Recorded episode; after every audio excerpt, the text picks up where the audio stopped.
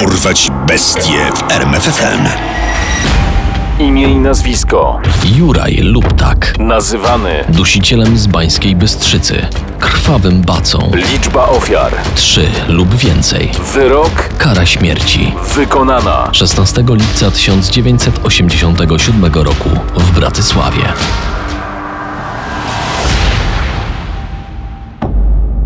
Bańska Bystrzyca, miasto w środkowej Słowacji. Na przełomie lat 70. i 80. było terroryzowane przez seryjnego mordercę i gwałciciela kobiet, zwanego dusicielem.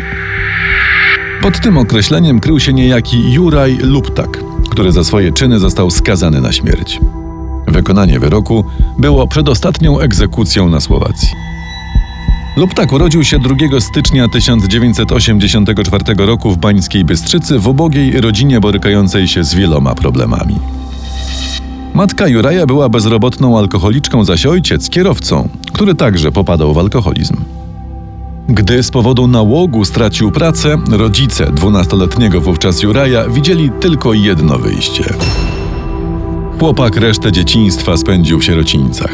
Stracił kontakt z biologicznymi rodzicami, a żadna rodzina nie chciała go adoptować. Juraj miał bardzo niski iloraz inteligencji. Nauka przechodziła mu z ogromnym trudem. W końcu udało mu się jednak skończyć szkołę specjalną i wstąpić do szkoły górniczej, w której definitywnie przerwał swoją edukację. Prawdopodobnie z powodu kontuzji nogi. Dorywczo pracował jako pomocnik pasterza i robotnik budowlany, ale żadnego z tych zajęć nie trzymał się długo. Otoczenie uważało go za wyjątkowo prymitywną postać. Jeszcze w domu dziecka lub tak zaczął przysparzać problemów. W wieku 17 lat poszedł w ślady rodziców i popadł w nauk alkoholowy. W tym czasie zaliczył też pierwsze konflikty z prawem, głównie kradzieże. Dwukrotnie go aresztowano, innymi za oszustwa podatkowe. Juraja interesowało w zasadzie jedno picie. Pił, co mu wpadło w ręce, a co zawierało alkohol, nawet płyn do mycia szyb. Był całkiem smaczny, jak się go zmieszało z winem. Poza tym był tani. Lub tak uwielbiał góry i to w ich otoczeniu. W skromnej, przypominającej szałas chacie postanowił zamieszkać. Dodajmy, nie sam. Znalazł sobie kobietę, która wprowadziła się do niego wraz ze swoją córką. Jednak związek go nie ustabilizował, ani nie zmotywował do rzucenia alkoholu i znalezienia pracy. Czasami, gdy brakowało mu na tak zwaną flaszkę, dorabiał sobie jako pasterz, które to zajęcie w przyszłości przyniesie mu miano krwawego bacy. Jego relacja z partnerką i jej córką też daleka była od sielanki. Kobiety kpiły z niego i wyszydzały jego brak urody i inteligencji. Jesteś głupszy od tych twoich owiec. Nawet one nie chciałyby cię w łóżku. Lub tak czuł się niedowartościowany, także jako mężczyzna. Postanowił jednak udowodnić sobie i innym swoją męskość w najgorszy możliwy sposób. Zaczął podrywać dziewczyny, które czasem mijały go, gdy wypasał owce. Jedna z nich, dwudziestoletnia Elena Adamowa, szczególnie mu się podobała. Zaczepiał ją przy każdej możliwej okazji. W końcu dziewczyna zaczęła traktować go jak namolnego adoratora, którego należy ignorować, ale którego nie trzeba się bać. To był błąd. 6 maja 1978 roku. W piękne słoneczne popołudnie lub tak doszedł do wniosku, że ma już dość bycia lekceważonym nie tylko w domu, ale i przez śliczną Elenę. Może chociaż całusa dasz? No nie bądź taka. Spadaj z boczeńcu. Gdy dziewczyna minęła go i znalazła się na skraju lasu, lub tak podbiegł w jej stronę i zaatakował od tyłu, uderzając ją kamieniem w głowę. Kiedy kobieta straciła przytomność, zaczął ją dusić. Następnie zaciągnął ją do lasu, rozebrał i zgwałcił. W pewnym momencie Elena ocknęła się. Wtedy napastnik pobił ją na śmierć. Ciało dziewczyny ukrył w krzakach, zakrywając je gałęziami. Zostało znalezione niemal dopiero rok później, w kwietniu 1979 roku. Lub tak zabrał Elenie z torebki 500 koron, zdobywając w ten sposób pieniądze na alkohol i uciekł z miejsca zdarzenia. Niedługo potem został aresztowany za oszustwa podatkowe. Nikt jednak nie podejrzewał go o to, że jest sprawcą znacznie poważniejszego przestępstwa. Cztery lata później Juraj opuścił więzienie i zaatakował po raz kolejny.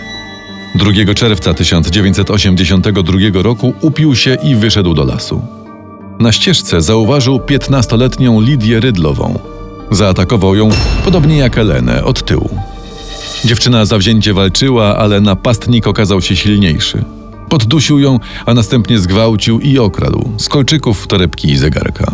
Ciało Lidii porzucił w wykopanym przez siebie dole i przysypał ziemią.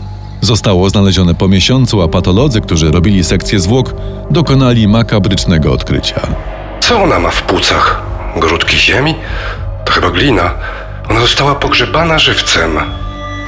Już po aresztowaniu lub tak będzie przysięgał, że nie miał pojęcia, iż dziewczyna jeszcze żyła.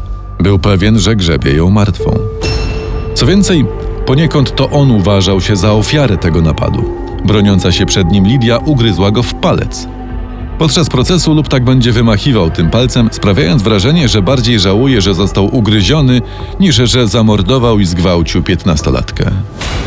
Przy ucieczce z miejsca zdarzenia napastnik popełnił błąd. Zgubił szpadel, którym kopał dół. Dał się także zauważyć przypadkowym spacerowiczom, którzy później rozpoznali go w czasie okazania. Tymczasem, jako że nie dotknął go choćby cień podejrzeń, lub tak rozzuchwalił się. Po kilku dniach od zamordowania Rydlowej postanowił zaatakować po raz kolejny. Do tego w centrum Bańskiej Bystrzycy, pod budynkiem Regionalnego Komitetu Narodowego. Atak miał miejsce wieczorem 18 lipca. Ofiarą była przechodząca chodnikiem 15-letnia Iwana Turowa. Modus operandi był sprawdzony. Napastnik uderzył dziewczynę od tyłu kamieniem, powalił na ziemię i zaczął dusić. Wtedy odkrył coś, co go jednocześnie obrzydziło i rozwścieczyło. Co? Masz okres? Ale mi się trafiło. W takiej sytuacji lub tak nie zdecydował się na gwałt. Gdy dziewczyna odzyskała przytomność i zaczęła błagać Juraja o życie, ten ze złością udusił ją i skatował.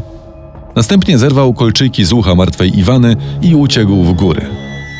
Dwa morderstwa piętnastolatek, w dodatku dokonane w odstępie kilku dni, zmroziły opinię publiczną i wywołały panikę. Młode kobiety bały się chodzić same po ulicach. W Bańskiej Bystrzycy urządzono obławę na dusiciela. Tymczasem on sam zaszył się w górach, gdzie planował przeczekać gorący czas. Jednak dzięki wzmożonej pracy organów ścigania i dokładnemu portretowi pamięciowemu, specjalny zespół stworzony w celu poszukiwań mordercy doprowadził w końcu do aresztowania Juraja Luptaka. Mężczyzna szybko przyznał się do winy, a nawet wyznał więcej niż się spodziewano. Zabiłem nie trzy, a cztery kobiety. Czwartego morderstwa nigdy jednak mu nie udowodniono. Zabójca nie tylko ochoczo współpracował ze śledczymi, ale nawet zdawał się być dumny z tego, co zrobił i popisywał się swoimi makabrycznymi czynami. Cieszyły go też wizje lokalne, na które go zabierano. Klarownie i chętnie objaśniał, jak doszło do poszczególnych zbrodni.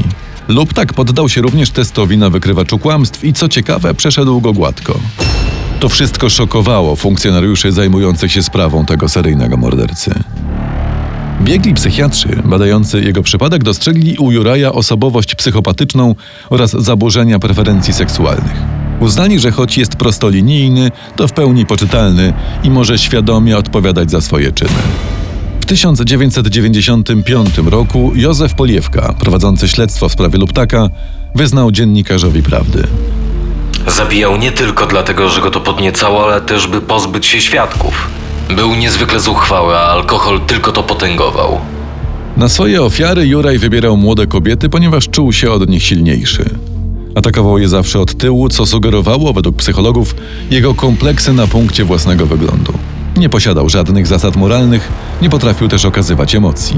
Na pewno wpływ na jego zachowanie miało trudne dzieciństwo i porzucenie go przez rodziców. W więzieniu w końcu miał poczucie, że jest w centrum uwagi i rozkoszował się swoimi pięcioma minutami sławy. Tak jakby nie zdawał sobie sprawy, co mu grozi. Dopiero gdy usłyszał, że może to być kara śmierci, poczuł strach. Stryczek. Myślałem, że dostanę parę lat. Był pewien, że chwilę pobędzie w więzieniu, a potem pracując w kopalni, zarobi na odszkodowanie dla rodzin ofiar. Wobec grożącej mu egzekucji wycofał wszystkie zeznania i zaczął utrzymywać, że jest niewinny. Było jednak za późno. Za trzy morderstwa, dwa gwałty i trzy kradzieże Juraj Luptak został skazany na karę śmierci. Biegli uznali, że w jego przypadku nie ma żadnej możliwości reedukacji i powrotu na łono społeczeństwa. Uznano go za jednego z najbardziej niebezpiecznych przestępców w historii Czechosłowacji. Luptak wystąpił do ówczesnego prezydenta kraju z prośbą o ułaskawienie, ale Gustaw Husak odmówił. Dusiciel z Bańskiej Bystrzycy został stracony w Bratysławie 16 lipca 1987 roku. Niemal dokładnie trzy lata później parlament ówczesnej Czechosłowacji na skutek regulacji unijnych zniósł karę śmierci. Poznaj sekrety największych zbrodniarzy świata. Dorwać bestie w RMFFM.